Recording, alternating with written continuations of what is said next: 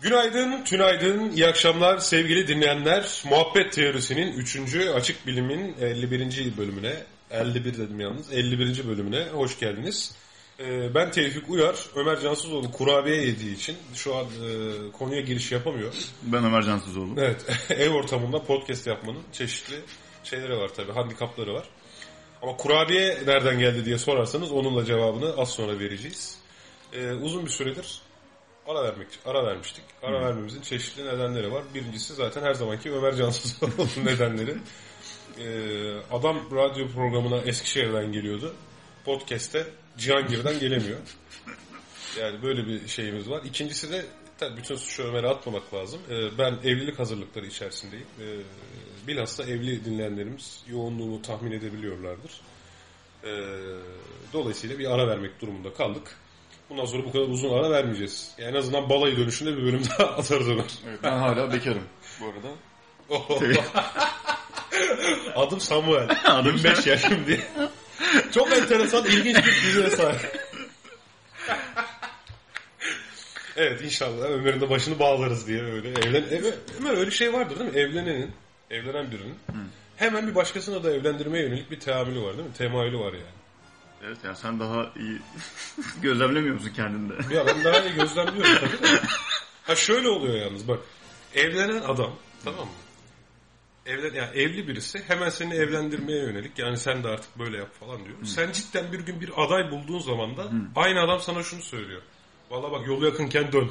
Ben o hatayı yaptım sen yapma falan gibi. Ve daha da ilginci kadınlar birbirlerinin evlilik haberlerine Böyle acayip seviniyorlar tamam? Ay canım ya gerçekten mi? Çok sevindim ya aa falan gibi. Tamam mı? Samimiyetsiz. Yok samimiyetli de samimi olarak kadınlar Samimiyetli. birbirlerinin tamam mı? Evlilik haberlerinden inanılmaz mutluluk duyarlarken erkekler arasında muhabbet şöyle gerçekleşiyor abi. Diyorum ki işte gidiyorum abi kısmetse Niye altında bir türümüz genişleyecek ve e, şey olmayacak gibi bir Yok bilmiyorum ya. Bilinç mi var? Ama şöyle bir şey Kadınlarda. var yani. Bak kime desem şu an evli olanlardan kime? Abi işte Haziran'da böyle böyle evleniyorum. Yapma ya. Ulan ya nereden çıktı ki niye şimdi böyle bir hata yapıyorsun? Falan gibi bir yaklaşım var tamam mı? Geçen işte büyük patronumuz var. Bizim büyük patronumuza e, büyük boss. bunu Yani. Çok gizli büyük oldu. Patronumuzun patron. eşi de dinliyorsa bu sefer böyle mi dediğinden geri aldım ben. büyük patronumuz yok. Büyük patronumuz dedi ki ne güzel evlenmek çok iyi. Ben karımı çok seviyorum. Öyle söyledi işte. Ama büyük patron hangi büyük patron? Ama bir sürü de patronum var benim Yani, yani. Evet. Evet yani. Neyse. Ama böyle bir ilginç bir şey var. Kadınlar birbirlerinin evlilik kararlarını inanılmaz teşvik eder ya da teşvik eder görünürken samimiyet düzeyini bilemem. Erkekler birbirlerinin evlilik haberini kara haber almış gibi davranıyorlar. Abi çok dışındayım konunun ben ya. Hani kim evlenince, kim destekliyor, kim ne yapıyor falan filan gibi konular gerçekten bende yok yani. Öyle. Olsun zaten boş ver, hiç bulaşma. işte böyle bir şey.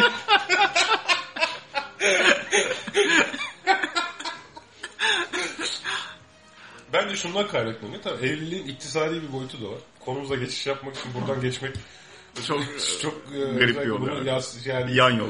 e, müstakbel Çok eşimin de dinleyeceğini düşünürsek çok kötü bir karar olacak ama Evet, hani evliliğin bir de iktisadi boyutu var. Tamam Tekerleği paklatır yani. Erkekler galiba bu iktisadi boyutu da biraz düşünerek tamam evlilik konusunda daha sıkıntılı bir tavır sergileyebiliyorlar. Tahminimce yani. Niye uzun vadede iyi bir yatırım değil mi evlilik? Şimdi Biz bu konudan çıksak- samimi olarak ifade etmek çok zor. O yüzden biz bu konuyu kayıtsız yapmadığımız bir yerde konuşalım seninle. Girdi evet. Tamam. Evet iktisat dedik. iktisat. Ee, evet bir süredir. Sen iktisatçısın Ömer. Bugüne kadar hiç iktisat konuşmadık neredeyse. Açık Bilim Radyo programında bir ekolojik iktisat konuştuk. Bir de bir iki kere bize denizaltının pahalanı, pahalanacağı gibi zalim, e, ruhsuz, kalpsiz düşüncelerini ifade ettin. Ee, onun dışında iktisattan çok bahsetmedik. Zaten klasik iktisat bahsedemeyeceğimiz kadar eskide kaldı. Artık günümüzde ye, ye- Neler var, neler. Yepis yeni bir alan var. O da davranışsal iktisat. Ee, ben şu sıralar davranışsal iktisatla çok e, haşır neşirim, ilgiliyim, yazmaya çalışıyorum, öğrenmeye çalışıyorum. Çünkü tezimi de bu alanda yapmayı düşünüyorum, doktora tezimi. Bu yüzden e, bu konuyu buraya getirdik. Çünkü seni biz buradan bizi yararlı bir fert olarak topluma gönderdiğimiz anda görevimizi Görevimizi yapmış yapmış olacağız. olacağız yani. Evet. görevimizi yapmış olacağız. Evet, davranışsal iktisattan önce klasik iktisadın bazı terimlerinden bahsedelim. Davranışsal iktisat aslında mikro iktisadın bir psikolojiyle birleşmiş bir alanı. Sen bize bir iktisatçı olarak sen söyle önce makro iktisat neydi, mikro iktisat neydi? Makro iktisat toplumun genelinde ekonomik davranışlarını, ekonomi davranışlarını inceleyen alanı. Mikro daha bireylere, firmalara, sektörlere inen. Yani daha ufak. oyunculara odaklanan. Oyunculara Bir tanesi oyuncuların toplam durumuna, değil mi? bir tanesi oyunculara odaklanıyor. Ekonominin genel durumuna, genel e, haline bakan e, tarafı makro iktisat, mikro iktisat sadece ekonominin oyuncuları, parçalarına yönelen tarafı. Yani şimdi ben o zaman gayri safi milli hasılayla gelişmişlik düzeyi arasındaki ilişkiyi inceliyorsam makro iktisadi bir faali- faaliyet mi yürütmüş Evet. oluyorum? Ama bir bireyin e, borçlanmasıyla Bakkaldan gidip çikolata alması mikro iktisat. öyle mi tamam gerek yok borçlanma falan diyorsun. Anladım. Güzel davranışsal iktisat da işte tamam mı? Bakkaldan gidip çikolata alırken neye göre alacak arkadaş? O sorusu, sorusunun cevabını arıyor. Aslında mikro iktisadın buna bir cevabı vardı. Mikro iktisat ne diyor? Homo economicus. Her birey bilgi sahibi olduğu ürünler içerisinden Ya ta Adam Smith'ten kalma. ha, ta, ta, Yani bir bir şey şey, var. şey var. Evet. Ne yapar? En Ön kabul var. en yüksek faydayı en düşük fiyata elde etmeye başlar diyor. Kazanmayı ister diyor. Birey karını maksimize etmek ister diyor. Ya da firma karını, oyuncular karını maksimize etmek ister diyor. Genelde mikro iktisat. Fakat ve bunu da her zaman böyle yapacağı varsayılır. Hani atıyorum ekmeğin fiyatı düşerse satın almanın artacağı varsayılır değil mi? Arz talep eğrisini.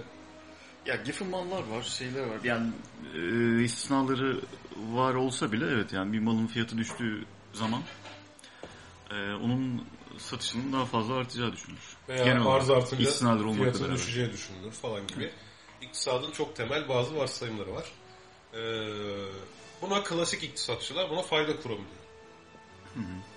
Yani klasik iktisatçılara göre her birey maksimum faydayı elde edecek biçimde hareket eder. Tamam mı? Ondan sonracığıma fakat neoklasikçiler bunu beklenen fayda kuramına dönüştürdü. Ee, bir kere bireylerin her zaman alacağı ürünler hakkında tamamen bilgi sahibi sahibi. olmaması gibi bir durum var. Evet yani piyasa hakkında hani e, belli piyasa. başlı ön kabuller var işte e, sonsuz e, bilgi sahibi olması piyasada evet yani mümkün değil. Aynı zamanda parçalı olması piyasanın falan filan hani yani bir, bir takım açmazları var. Piyasa ve e, tüketici ilişkisi açısından. Var aynen. Herbert Simon'ın getirdiği bir kavram var zaten. Sınırlı rasyonellik kavramı. Yani bireyin zaten bilgisi sınırlı. Sınırlı bilgiyle ne kadar rasyonel olabilir zaten? Sınırlı rasyonel olabilirsin. Dolayısıyla senin rasyonelliğin çok sınırlıyken klasik iktisadın iddia ettiği gibi bir rasyonel karar alamazsın. Bunun için en e, güzel örneklerden birisini şeyden verebilirim bak. Dan Ariely'i anlatıyordu kitabında. Şimdi bu Amerika yani Japonya Amerika'ya 2. Dünya Savaşı tazminatı olarak tamam mı? İnci veriyor. Çok fazla. Amerika'da bunu bir iş adamına satarak parasını Parayı- alıyor çıkıyor. Ve dün çok büyük bir inci tüccarı da oluyor bu işten tamam mı? Neyse bugün bir bu inci tüccarı şeyde otururken bir yerde bu senin takıldığın tarzda mekanlarda otururken oraya başka bir adam yatıyla yanaşıyor. Diyor ki işte sen inci tüccarı bilmem ne misin? Evet oyum. Ya diyor ben diyor Pasifik'te ada satın aldım. Tanıyor musun bilmiyorum da. Yok Ada- çalışmak. Nasıl tanıdılar? Ada satın aldım. Benim de kıyılarımda kara dudaklı istiridye var çok fazla. Elimde bir sürü siyah inci var diyor. Ben bunları satamam. Sana vereyim sen sat. O inci tüccarı da alıyor bu incileri. Piyasaya sürüyor. Daha önce hiç kullanılmış, alınıp satılmamış. Yok daha önce hiç piyasada Piyasada- siyah inci diye bir şey yok. Beyaz inciyle aynı fiyattan piyasaya sunuyor. Kim alır siyah inciyi? Kimse almıyor. Neyse bu adama çakal bir şey geliyor. Ee, pazarlama müdürü. Diyor ki sen bu siyah inci işini bana bırak.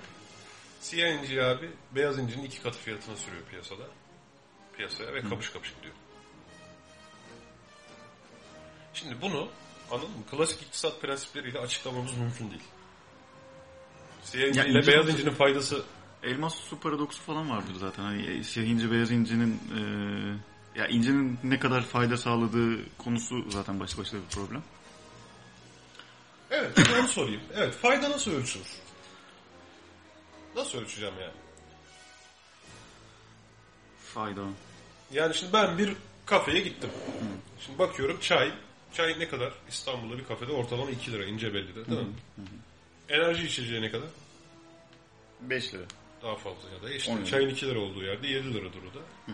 Peki niçin enerji içeceğinin faydasını çaydan daha yüksek algılıyorum ki ona 7 lira vermeye değer buluyorum? Ne kadar satılığıyla da alakalı. Yani onun marjinal faydası bir kere bulunurluğuyla alakalı birincisi. Yani çayı yapmak, çayı bulmak, e, üretimi daha kolay enerji içeceğine göre. E, yani maliyet maliyeti daha düşük çayın. Doğal olarak hani çayın satış fiyatı enerji Yani içeceğinin satış fiyatından düşük olduğunu nereden biliyorsun? Yani en en e, satan işletmeye için Tam işletme için en azından doğru daha düşük. daha düşük. Yani kola da aynı şekilde. Belki kolanın maliyeti demiyorum. Sen birey olarak niçin enerji içeceğine tam olarak da çayın 3,5 katı bir para ödeyerek sanki 3,5 katı fayda alıyormuşsun gibi 7 lira ödemeye razı oluyorsun. Yani bu 3,5 kat faydayı nasıl ölçtün ki birey olarak anladın mı? Hani klasik iktisat, homo economicus'un bunu ölçebiliyor olduğu varsayımı var. Nasıl ölçüyorsun ki çayın 3,5 katı fayda sağlayacağını düşündüğün için çayı 3,5 katı ödemeye razı oluyorsun? Yani çok fazla enerji içen biri olmadığım için belki benim açımdan çok şey bir örnek değil. Rakı ile birayı karşılaştıralım. Yani çeşitli şeyler var işte alkol Ya da hiç bilmediğin var. tamam mı? iki tane şarap markası gidiyorsun. Birisinin kadehi 8 lira, birisinin kadehi 15 lira. Aslında senin birinin kadehinin yani birine sağlayacağı fayda diğerinin iki katı mı ki? Birinin fiyatı diğerinin iki katı. Yok değil. Değil. İşte mesele burada. Şimdi zaten iki tür faydacılar var. Kardinal faydacılar diyor ki her şeyin faydası ölçülebilir diyor. Tamam mı? Util, Birim- birim util olarak. diye bir birim üretiyorlar. İşte çayın faydası 20 utildir. Enerji içeceğinin faydası 70 utildir. 10 itile 1 lira dersek biri 2 liradır, biri 7 liradır diyor. Yani bu çok tutmadı zaten. Evet. Ordinal faydacılar da diyor ki bir insanın herhangi bir şeyin faydasını ölçmesi ve buna fiyat biçmesi imkansızdır. İnsanlar ancak birbirleriyle karşılaştırma yaparak karar verebilirler ürünler arasında. Tamam ben enerji içeceğinin çayın tam olarak 3,5 katı fayda sahibi olup olmasını bilmiyorum. Ama en azından biliyorum ki enerji içeceği çaydan daha pahalı olmalıdır. Çünkü enerji içeceği çaydan daha faydalıdır diye düşünüyorum. Bu yüzden enerji içeceğine daha fazla ödemeye razı oluyorum. Kardinal faydacılar da bunu söylüyor. Tamam. Böyle güzel konuşuyor. Hasılı kelam şimdi bu bir mesele. Aslında bir insan tamam mı? Aslında biz neyin ne kadar olması gerektiğini bilmiyoruz. Biz aslında bunları birbiriyle karşılaştırarak karar veriyoruz.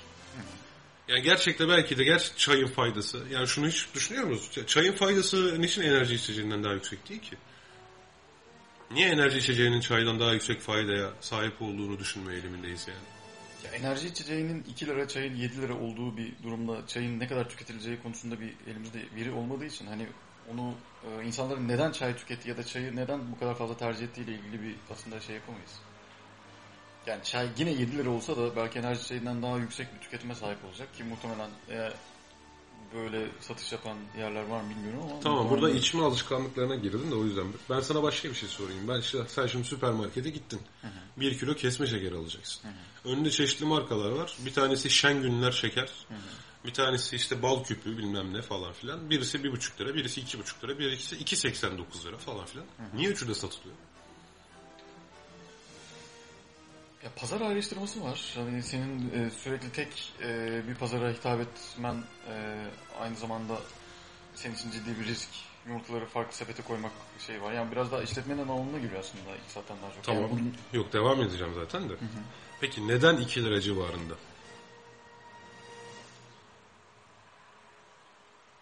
Yani aslında çok e, kompleks sorular bunlar. İşte Yani çok kompleks soru değil aslında. Yani burada şu var. Zaten bir ürün piyasaya ilk çıktığında Yani yani, eminim kesme şeker piyasaya bugün çıksaydı bize 15 liradan satarlardı. Bu biliyorsun işletmenin ilkesi. Pazara ilk girdiği zaman pazarın kaymağını alırsın. Ürün daha tanınmamıştır. İşte ço- çoğalmamıştır. Daha pazara nüfuz edilmemiştir. Yüksek fiyattan satarsın. Bir yani orada karın aslında o kadar şey e, ilk başta söylediğimiz o klasik iktisat kuramları o kadar işlemez değil yani. Hani burada karı maksimize etmek gibi bir hakikaten e, şey var, güdü var. Tamam Yani burada var. şeker mevzunda da var, hala Ama var aslında. var. Bence hala yok. Çünkü belki de kutunun maliyeti 20 kuruş.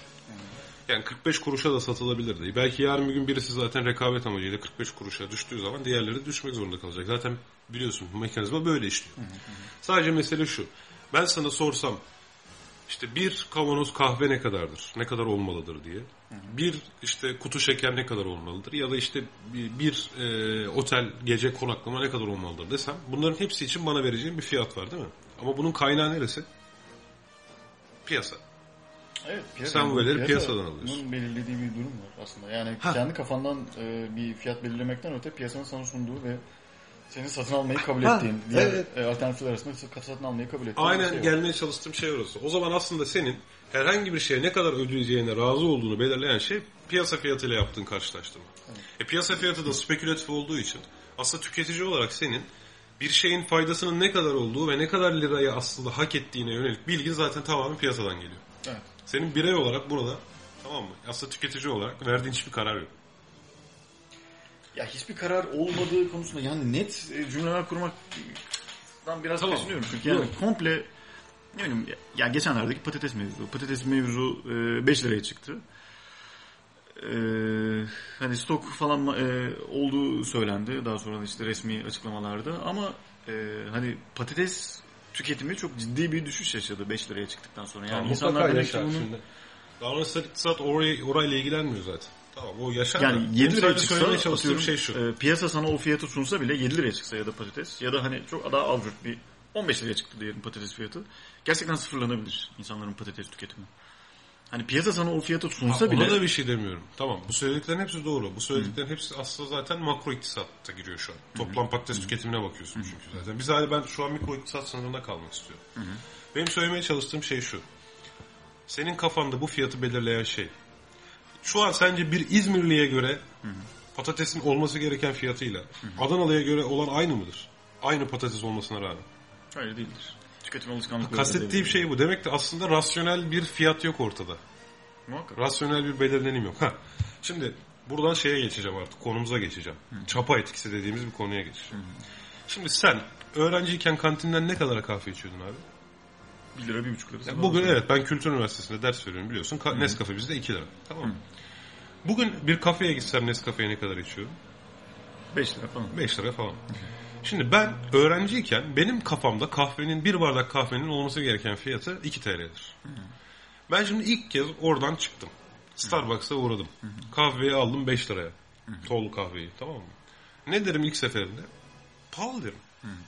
Hatta zaten biz de hani öğrenciyken sonuç itibariyle Starbucks'ı çok pahalı buluyorduk değil mi?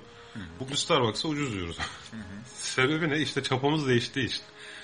Bir sefer gidersin 5 lira pahalı gelir. İkinci sefer gidersin. Üçüncü seferden sonra senin için kahvenin olması gereken fiyatı 5 liradır. Abi. Ondan sonra bir yere gidip 4 liraya bulursan buna ucuz dersin. Davranışsal iktisadın demeye çalıştığı şey bu. Cebinden ne kadar çok para çıkarsa ve o senin için ne kadar normalleşirse gittikçe e, o senin için bir e, onu ödeyebileceğin fiyat haline gelir. Daha Evet. düşüğü ve daha yükseği konusunda e, hani Çapanın yeri değişir. çapanın yeri değişir. Çapa atarsın bir sayıya ve çapanın yeri değişir. En basitinden evden çıkıyorsun diyorsun ki 700 liralık bir ev kiralayacağım. Tamam mı? 3 gün 5 gün ev geziyorsun kendi 1000 liralık ev kiralamış buluyorsun. Niye? 700 liralık ev yok ahır gibi. Hayır hayır aslında var. Yo senin çapan değişiyor. Senin beklentin değişiyor tamam mı? Evlerin fiyatının olması gerektiğine yönelik algın değişiyor. Önce 800 liraya buluyorsun. Ya 700 lira ver 800 liraya da ver ne olacak diyorsun tamam mı? 100 lira gidiyor çapa ileriye. Sonra 900 liralık ev buluyorsun tamam mı? Cık. Bir evin olması gereken fiyatı 800 liradır diyorsun. Sonra 1000 liralık ev gördüğün zaman tamam mı? Çapan 850-900 lira civarına çoktan kaymış oluyor. Bu biraz pahalı diyorsun falan filan. Çok fazla ev gezdikçe ve daha fazla fiyatlı evleri de gördükçe çapa noktan değişiyor. Çapa noktan değiştiği için de kendini ilk başta belirlediğinden çok daha yüksek bir e, ev tutmuş ve gelmiş halde buluyorsun kendini. Anladım. Şimdi çapa etkisine çapa denmesinin nedeni bu aslında mevcut sayılar e, karşılaştığımız sayılar ba- bariz bir biçimde bizi manipüle ediyor. Tamam mı? Ya bugün şekeri 2 liraya alıyorsun ya. Bak sana şu an deney yapsak iddia ediyorum. Süpermarkete gitsen kesme şekeri 5-5,5'tan görsen Allah Allah şeker pahalanmış dersin tamam mı? Ertesi gün şekerin olması gereken fiyatın 5 lira olduğunu iddia edersin. Çünkü piyasada öyledir aslında yani. Bu senin aslında olması gereken rasyonel olan şey değildir yani. Hani şekerin maliyeti 3,5 liradır. E, işletmede bundan %30 kar ediyorsa o zaman 5 lira olmalıdır gibi bir yaklaşım değildir o işte. Tamamen piyasadan gelir. Evet. Tamam. Şimdi ben sana başka bir şey söyleyeyim. Sence Afrika'da toplamda konuşulan dil sayısı kaçtır? İpucu veriyorum yüzden fazla. 150. Bir tahminde daha bulun. 170. Bir tahminde daha bulun. 190. Bak şu an bu bir örnekti. Afrika'da 2000 tane dil konuşuluyor. Ben sana ipucunu yüzden fazla dedim diye sırf hiçbir neden olmamasına rağmen yüze yakın tahminde bulundum. Bir daha tahmin etti, etmeni istediğim zaman kendi ilk tahminine daha yakın bir tahminde bulundum. Tamam mı? Tekrar tahmin etmeni istediğim zaman yine kendi son tahminine yakın bir tahminde bulundum. Ya çapa etkisinin illa piyasada gerçekleşmesine gerek kalmıyor. Bak insan beyni zaten böyle çalışıyor. Ben 100 dedim diye 150 dedim. Tekrar tahmin dedim. Sen 150 dedin diye kendin 170 dedin. Yine sen 170 dedin diye kendin 190 dedin. Niye şöyle demedin? 150, 500, 1600 demedin. Bunların hepsi yüzden fazla.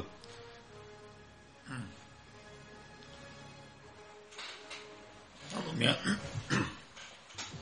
yani bir şekilde bir e, rakamı anladım tamam. Neyse tekrar, tekrarlamaya gerek yok. Şimdi aynısı şey için de geçerli. Aynı şekilde. Kahve fiyatları için de geçerli. Bak ilginçtir. Starbucks Türkiye pazarına girdikten sonra bütün mekanlarda filtre kahve fiyatı 6 lira oldu. Şu an hangi mekana gidersen git. Filtre kahveyi ne kadar içersin ortalama?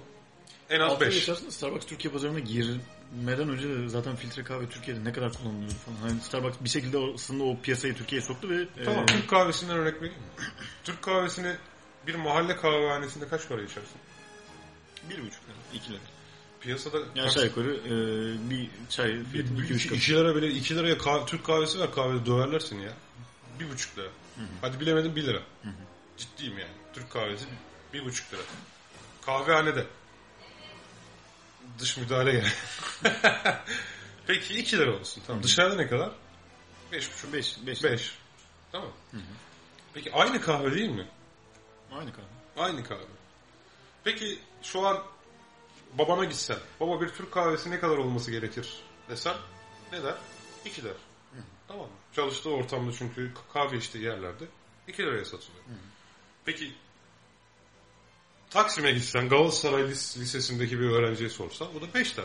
Ama bahsettiğimiz kahve aynı kahve ise işte burada davranışsal iktisadın klasik iktisada karşı çıktığı nokta geliyor yani. Hiçbir, yani bu satın almalarımız rasyonel değil. Birey de karını maksimize falan etmiyor. Birey karını maksimize etse yani herkesin gidip kahve, yani kahvehanede 2 TL içmesi lazım. Tamam diyeceksin ki burada ortam etkisi var. Kimse kahvehanede Evet yani yemek satılan istemiyor. şey sadece kahve mi? En azından şeyin e, ucuz veya pahalı olduğu yolundaki tamam şeyin bilincinde değil işte orada sınırlı rasyonellik var. Tamam ben burada 3 lira fazla ödüyorum ama burası bana güzel ortam veriyor demiyor zaten. Ya aslında Kahvenin nominal alıyor. fiyatının 5 lira olduğunu düşünüyorum. Ya orada şöyle bir e, sıkıntı var sanırım. E, yani orada satın aldığı şey sadece kahve mi? Özellikle Starbucks'a, Starbucks'a hani şu an için değil ama Starbucks ilk Türkiye pazarına girdiğinde yani biraz bir kimlik satın alma konusu falan vardı Starbucks'ın. İnsanlara kimlik satma. Aynı zamanda ben Starbucks'ta kahve içiyorum. e, verme durumu vardı. Hani bu aslında ki o, e, o 6 liranın içine dahil olan bir fiyat olduğu için yani satılan şey e, fayda edilen fayda elde edilen şey sadece kahve mi yoksa Kahveden ayrı başka şeyler de var mı o fiyatın içinde? Biraz öyle bir konu da var. Hayır, şimdi mutlaka vardır da. Ben Yani burada, kahvehanede kahve içmek ve hani ne bileyim kahve dünyasındaki kahve içmek arasındaki fark olarak Tamam mutlaka vardır da birey burada işte şunu düşünüyor mu hakikaten? Bu senin dediğin farkında olma kısmını düşünüyor mu? Yoksa birey zaten ortalama bir kahvenin fiyatının o kadar olduğunu ve olması gerektiğini mi düşünüyor? Yani birey şunu Birey- diyor birey Ortalama bence- kahve 3 lira olmalıdır ama ben Starbucks'taki ortam fikrini de satın aldığım için birey bence yani e, ben bunu 6 lira veriyorum diyor mu? Hayır demiyor zaten. kahvehanede bir kahvenin 2 lira olması ve e, kahve dünyasındaki kahvenin 5 lira olması konusunda bir e, kafasında yani kahve dünyasında 2 liraya kahve satması garip karşılanır. Kahvehanede 5 liraya kahve satılması garip karşılanır. Hani bunu aslında Tamam ben de onu anlatıyorum. Niye garip karşılıyorlar ki? Normalde evet bunun maliyeti çünkü o, yani bundan Ya aynı daha zamanda düşük. kahve, dünyası, bu kadar kahve dünyasının işte bir sat, sattığı bir sosyal ortam var. Ee, ne bileyim yanında İşte abi seni bir şap ortam etkisinden kurtaramadığım için Sen gitmişsin elden bir kere. işte niye kahve kahve dünyasında kahvenin 2 liraya satılması garip karşılanıyor? Anladın mı? Niçin olay şöyle olmuyor? Abi zaten olması gereken buydu kahve dünyası. Helal olsun. Starbucks çok pahalı satıyor da olmuyor Çünkü yani. eskisi kadar Çünkü nezih, çapan değişmiş anladın mı? nezih- Çapan 5 eskisi kadar kaymış. nezih bir ortam e, kalmaz yani 5 liraya kahve dünya kahve dünyası kahve satmadığı vakit. Amele dolar.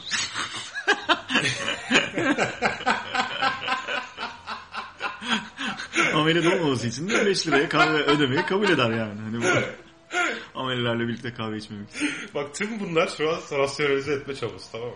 Aslında. Çünkü ben, ben sana soruyu şöyle evirerek sorayım. O kahve dünyasına giden adamı, 5 liraya kahve içen adamı aldım. Bir de senin işte e, sizin sanayideki Ahmet Usta'yı aldım. İkisini kahve, bildiğin mahallenin kahvehanesine götürdüm. Tamam mı? Ama onları istekli halde götürdüm. Yani o gün köyde bir düğündeler ve köy kahvehanesine gittiler. Köy kahvehanesi kahveye 3 lira fiyat koydu. Ahmet abinin yorumu ne olacak? Diğer adamın yorumu ne olacak? Diğer adamın yorumu aa burada kahve ne ucuz olacakken Ahmet abinin yorumu da buna lan 3 liraya kahve mi olur olmayacak mı? Bak Ya çok- ortam etkilerini geçtim. Çok bilemeyiz yani. Bilmiyorum. Hani Çünkü bak sonuç fazla- itibariyle senin köydeki Ahmet abin tamam mı? Kahve dünyasındaki nezih ortama karşılık 3 lira falan daha vermez kahveye. Onun nezih tanımı zaten Ya geçen konuştuğumuzda kafam oturmuş da şimdi yani. çok oturmadı hakikaten yani. De, neyse e, şey yapalım. Çapa etkisini anladık bence. Neyse dinleyiciler anladı ya. Yani. Yok hayır ben de anladım. Geçen zaten kafama e, daha yatkın gelmişti de. Hani, Tamam bak daha başka bir örnek vereceğim sana. Tamam bunlar kahve. Sonuç itibariyle evet kahve ve kahvehane ile ilgili tamam mı? Daha fazla bilgiye sahip olduğum için burada daha rasyonel olduğunu düşünme eğilimindesin. Ben sana deney evrelerinin yine sınıfta yaptığı bir örnekten bahsedeceğim. Şimdi sınıfta herkes vatandaşlık numarasının son iki hanesini önündeki kağıda yazıyor. Seninki kaç mesela? 84. Benim de 62. Tamam mı? Tamam benimki 12 olsun. Şimdi önüne yazıyorum. Sen önüne ne yazdın? Alt- 84 yazdın. Ben de önüme 12 yazdım. Şimdi deney arada sınıfa bir sürü nesne getiriyor. Çakmak, işte şarap, işte bilgisayar, süpürge, sallıyorum bir sürü nesne. Ve öğrencilerin şunu soruyor. Herkesin önüne işte vatandaşlık numarasının son iki hanesini yazmasını istiyor. Ve sınıfta da diyor ki şimdi size nesneleri göstereceğim.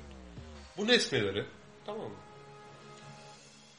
Önünüzde yazan rakama satın alıp almayacağınızı söyleyeceksiniz bana sadece. Örnek veriyorum bir şarap gösteriyor. Sen bunu 84 dolara verir miydin bu şarabı diyorum. Sen ne diyorsun? Hayır diyorsun. Değil mi? E, Şarap diyelim ki köpek öldüren. Ben de 12 yazıyor ya. Ben e tamam ben 12 dolar veririm diyorum. Veya bir çakmak gösteriyorum sana. Bu çakmağa 84 lira verir misin Ömer? Hayır. Vermezsin. Bir çakmağa 84 lira verilir mi yani? O kadar düşünme yani. ben de 12 lira ver, ben de 12 lira vermem. Tamam bilgisayar gösteriyorum 84 lira verir misin? Veririm. Verirsin ben de veririm falan filan vesaire. Şimdi deneyin ikinci safhasında öğrencilerden peki kaç para olsaydı alırdınız? Sizce gerçekten kaç parayı hak ediyordur bu nesneler diye yeniden soruyor. İlginç bir şekilde öğrenciler vatandaşlık numaralarından uzaklaşamadan yanıt veriyorlar. Tamam ben hani mesela şaraba 84 dolar vermezdim demiştin ya. Peki kaç para verirdin sorusuna sen 60 85. dolar yanıtını veriyorsun. Tamam mı? Veya işte yok daha düşük. Ha daha düşük. Yok seninki çok bambaşka bir şey yok. Ona 84 iktisatta dolar, enayilik 85. deniyor. Davranıştan enayi. Davran. Tamam. At yani at, uzaklaşmıyorsun anladın mı? Sen 60 dolar diyorsun. Vatandaşlık numarası 45 dolar olan ve almam diyen adam 38 diyor. Tamam mı? Sen 38 demiyorsun ama sen 65 diyorsun. Çok ilginç yani anladın mı? İşte çapa etkisini daha iyi anlatan bir örnek bence bu.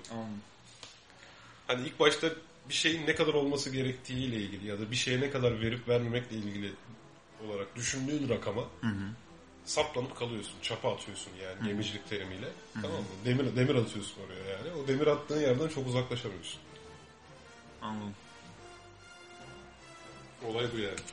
Bir de fayda kurumu ve davranışsal Şimdi fayda kuramı çakmak mı diyorsun? 84 dolara alırız. Şimdi bu çapa etkisiydi. Ee, senin dediğin boyut ee, ne demiştin sen ya? Bu fayda kurumu vardı bir de. Kahneman'ın. Ha, o beklenti kuramı. Beklenti Kahneman'ın. Şimdi Kahneman'ın beklenti kuramı da şu yönde. Şimdi iktisada göre m, negatif 200 lira ile pozitif 200 lira arasında bir fark yoktur. Tamam mı? Ama gerçek hayatta vardır.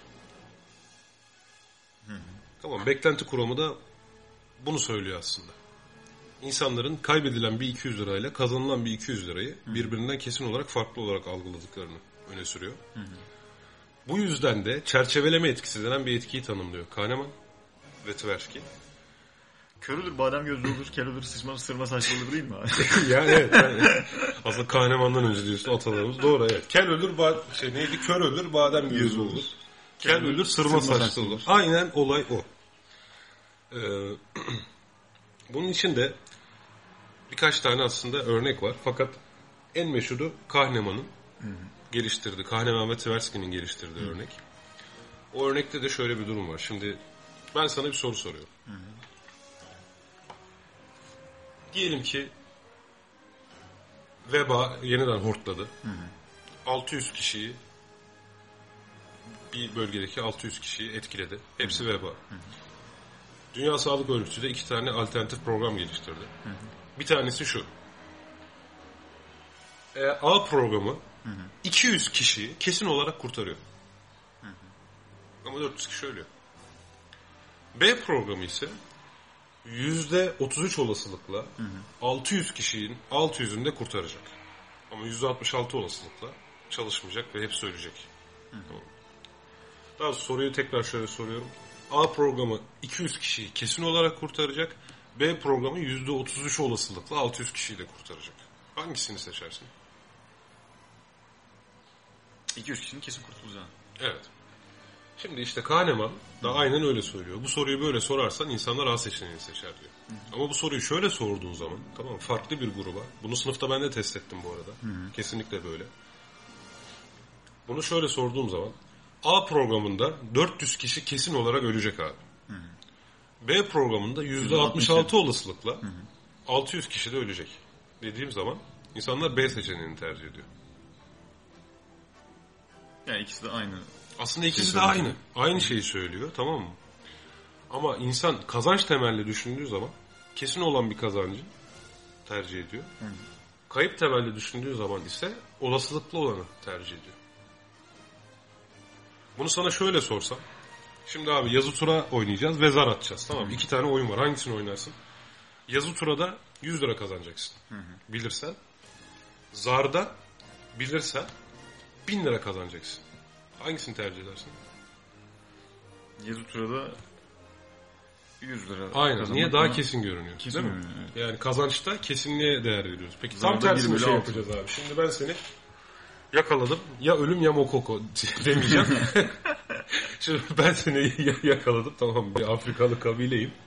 Sana diyorum ki ya yazı tura atacağım. Tamam mı? Ve kaybedersen parmağını keseceğim. Ya da şey e, Zar atacağım, kolunu keseceğim. Zar atacağım, kolunu keseceğim. Parma, yani parmağın kesmesi. Yazı tura atacağım ya da parmağını keseceğim kaybedersen. Zar atacağım tamam mı? Şey kazanırsan. Senin dediğin gelirse parmağını keseceğim.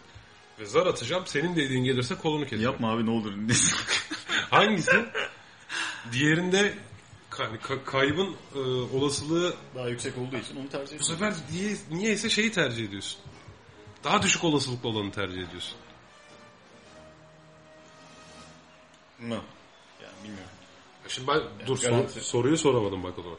Bak yazı tura oynayacağız tamam mı? Parmak. Ben kazanırsam parmağını keseceğim. Tamam. Zar oynayacağız. Ve ben bir zar söyleyeceğim. Benim dediğim zar gelirse kolunu keseceğim. Hangisi? Yani şöyle söyleyeyim. 1 bölü 6 olasılıkla kolunu keseceğim. 1 bölü 2 olasılıkla parmağını keseceğim. Yani mantıklı olan belki bilmiyorum. Yani parmak tercih etmek olmayabilir ama ben parmak tercih ederdim. İlginç. Neyse. Ha, ötekinde abi 5 bölü 6 olasılıkla yırtacaksın bu işte. 1 bölü Yo, 6 anlıyorum olasılıkla ama- kolunu keseceğim. Ya riski ne kadar e, kaldırabileceğin ya riske ne kadar yatkın olduğuna falan da alakalı. Mutlaka alakalı da ya zaten tek kişiye sormakla olmuyor bu işte. Evet. Neyse %15'lik dilimin içerisine girdim. Ha. tutarım. %85'i. Tabii %85'i tabii doğal olarak şunu düşünüyor. Ben de böyle düşünüyorum. Bana da o mantıklı geliyor. Diğerinde adamın kazanma olasılığı çok daha düşük. Dolayısıyla kolumu kaptırma olasılığım çok daha düşük. Söz konusu Ama kayıpsa daha büyük daha yani risk daha büyük risk alabiliyorum yani. Şey, daha küçük riske yöneliyorum. Riskten kaçınma. Risk aversion diyor buna Kahneman. Bence şu an dinleyenlerin çoğu Ömer abi parmak gitti boşu boşuna falan diyor. Çünkü ötekinde çok büyük olasılıkla parmağın gidecek ya. Kim büyük olasılıkla dik yani. dik gelirse onu bilmem tabii de. Yani diğerinde tamam mı? Biri böyle iki olasılıkla parmağın gidiyor abi. Tamam parmak sana küçük gelebilir de. Ötekinde kolun gidiyor eyvallah da olasılık 1 bölü 6. Yani adam 3 diyecek de zar 3 gelecek. Bunun biri var, ikizi var, dördü var, beşi var, altısı var diye düşünüyorum ben. Yani ben kaynamanın dediği tipe giriyorum. Riskten kaçınan tipe giriyorum. Sen girmiyorsun bu durumda. Bir daha düşün. evet şimdi işte Kahneman'da kısacası e, beklenti kuramının içerisindeki çerçeveleme etkisi de bu. Yani bir herhangi bir mevzuyu kayıp çerçevesiyle sunarsan tamam mı? Kayıp bağlamında sunarsan insanlar riskten kaçınırken tamam mı? Ee, kazanç bağlamında sunarsan pardon kazanç bağlamında sunarsan kesin olanı tercih ederken kayıp bağlamında sunarsan e, olasılıklı olanı tercih ediyorlar. Yani kazanç söz konusuysa riskten kaçınıyorsun ve kesin olarak senin olanı istiyorsun. Kayıp söz konusuysa riske giriyorsun. Tamam mı? Daha büyük kaybın ya kaybetmezsem kısmına daha çok önem veriyorsun yani. Anladım. Pek anlatamadım ben gibi geldi. Yok hayır anladım. Ee, Konuyu bildiğin için Yani- anladın yani bence. Yok konuyu bilmekten ayrı. Doğru söyle anlatamadın değil mi? Kötü bir insan değil mi? Ha, doğru söyle yani. Tamam bak kırılmayacağım bak söyle. Yok yani şey için diyorum hani e, yani iktisat ya da ne bileyim yani bu kadar sosyal bilimlerde bu kadar kesin hani bu, bu, bu sonuca çıkar meselesi de biraz şey var.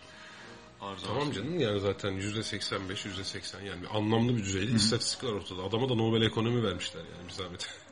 ya şimdi sosyal bilim, şimdi sen böyle diyorsun kahraman ama değil yani. Hani adam onu istatistiki olarak ortaya koymuş. Defalarca da bu deneyler tekrarlandı. Kaldı ki sınıfta ben de tekrarladım. Aynı sonuç çıkıyor. Gerçekten de sınıftakilere bu iki soruyu 200 kişi ölecek, 400 kişi ölecek şeklinde iki farklı şekilde hazırladım. Sınıfın yarısını birine dağıttım, sınıf yarısını diğerine ve Kahneman'ın sonuçlarıyla uyumlu çıktı. 50 kişilik sınıfta. Aynı sonuçları aldım yani. Anladım. Yani sonuç olarak biz e, aslında o kadar e, rasyonel bir şekilde seçim yapmıyoruz. Evet e, ve üstelik bak şuna geleyim biraz daha açıklayıcı olabilir bu. Tamam mı? Aslında senin o kör ölür badem gözlü olur dediğin de müthiş bir şeydi de yeterli bir örnekti de. Ama mesela şimdi benim otomobilim var biliyorsun. Ben bunu satacak olursam benim eğilimim genelde bu otomobilin piyasa fiyatı üzerinden fazla görmektir. Kendi otomobilin değerini. Niye? Kaybedecek olan benim. Ama alacak olan kişi için daha düşüktür. Dolayısıyla ben bu işin piyasası 35 binse ben 38 bin 39 bin hak ettiği iddiasında bulunurken alacak adam da bu 32 bin etmez eğiliminde olacaktır. Çünkü kaybedecek ben olduğum için daha çok değer atfediyorum. Alacak olansa daha az değer atfediyor. Bunu yine şöyle bir deney olarak yaptılar. Ee, bak ya insanlara bak deney ortamında sadece şu kupayı bir tutar mısın? Ya da bu kupa senin olsun al diye veriyorlar. Tamam ben şimdi sana bunu veriyorum. İçine kahve içeyim de bir dakika. Hı. Verdim. Sana diyorum ki bu kupa senin. Tamam. Fakat ben senden bunu şimdi satın almak istesem bana ne kadar verirsin? Diyorum. Deneyde. Bir grup insana bunu söylüyorlar. Fiyat işte şey çıkıyor. 9 lira civarında çıkıyor. Başka bir gruba da sadece bu kupayı gösterip tamam mı? Şimdi bu kupayı ben satmak istiyorum. Kaç para verirsiniz buna diye soruyorum. Ortalama 3,5 lira çıkıyor. Ya bu kupa artık senin. Kaça satarsın dediğim zaman ortalama 9 lira fiyat verirken bu kupayı sana ben daha hiç vermeden bunu kaça alırsın? Bunun sence piyasası kaçtır deyince 3,5 lira fiyat veriyorsun. Böyle bir ikiyüzlülük var yani insan olduğunda. Anladın mı? Sen kendi elindeki e, varlığı daha kıymetli görüyor. Evet aslında kör ölür Yani- badem gözlü olur gibi. Yani insan bir şeyi verirken eee, daha çok değer atfediyor bir şeye sahipken. Tamam mı? Çünkü kaybın değeri daha yüksek kazanca göre. Ya bunu mutluluklarımızı ve üzüntülerimizi karşılaştırarak bile şey yapabilirsin aslında. Yani şimdi ben bin lira kaybetsem onun yaratacağı üzüntüyle 1000 lira kazansanın getireceği sevinç arasında ciddi bir fark var. Kayıplar daha şey algılanır insan tarafından. Derinden. Derinden. Çok benzer bir örnek daha var. Bunu da yine Danny Ariely yapmış. Kulakları çınlasın ama basit. Çok da severim der. Şey, e, bu galiba şey üniversitesinde, tam emin değilim de. Dük Üniversitesi'nde. Şey sınırlı tamam mı? Okulun basket sahası. Her sene de orada üniversite basket takımları turnuvası falan oluyor ya Amerika'da sen bilirsin. E, biletler öğrencilerin sadece 250 bilet var. Çekilişle veriliyor. Tamam mı? Her sene bunun çekilişi yapılıyor. Muazzam bir hatta törenle yapılıyor bu falan filan. Herkes bileti çok istiyor falan. Tarihler kim olacak? Neyse 250 kişiye gidiyor. Şimdi Danny Ariely de telefon açıyor kazananlara. Biz diyor bir ajansız. Eğer satmak isterseniz final maçı biletinizi satın almak istiyoruz diyor. Tamam mı? Ne kadar fiyat biçersiniz diyor. K- kaybedenlere de çekilişe katılıp kaybedenleri de arayıp işte biz bir ajansız bak dilerseniz kazananlardan al- işte alıyoruz ve size bilet veriyoruz falan. Siz ne kadar ödersiniz diye soruyor. Tamam mı? S- Bileti ka- zaten kazanmış olan ve satacak olanlar ortalama 3000 dolar fiyat verirken alacak olanlar 150 dolar fiyat veriyor. Halbuki bu iki tarafta aynı derece istekliydi çekilişe katılırken. Düşün kazanmak neyi değiştiriyor yani?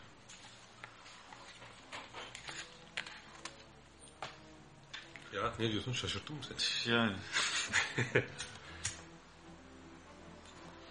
Davranışsal iktisat bir sürü konusu var daha. Donanım etkisi var, yem etkisi var. Bunların hepsini artık başka programlarda falan konuşuruz yani. Evet bugünkü programımız Bugünkü programımızın sonuna gelebiliriz artık bence. Bakayım. Evet 41 dakika olmuş. Vay.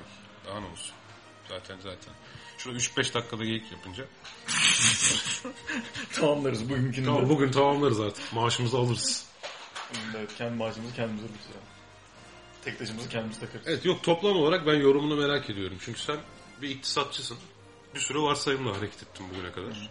Veya şimdi atıyorum işte kredi veren bir kuruluşta bununla ilgili değerlendirme yapan birimdesin falan filan vesaire. Yani eee, ne diyorsun kısacası? ya biraz Vallahi daha iyi açıkladı aslında. Yani sarsılmasından ayrı herhalde biraz daha Daha iyi açıkladı. Evet. Mikroekonomide de senin dediğin gibi bazı istisnalar veya kuramlar var. Sonuçta değil mi?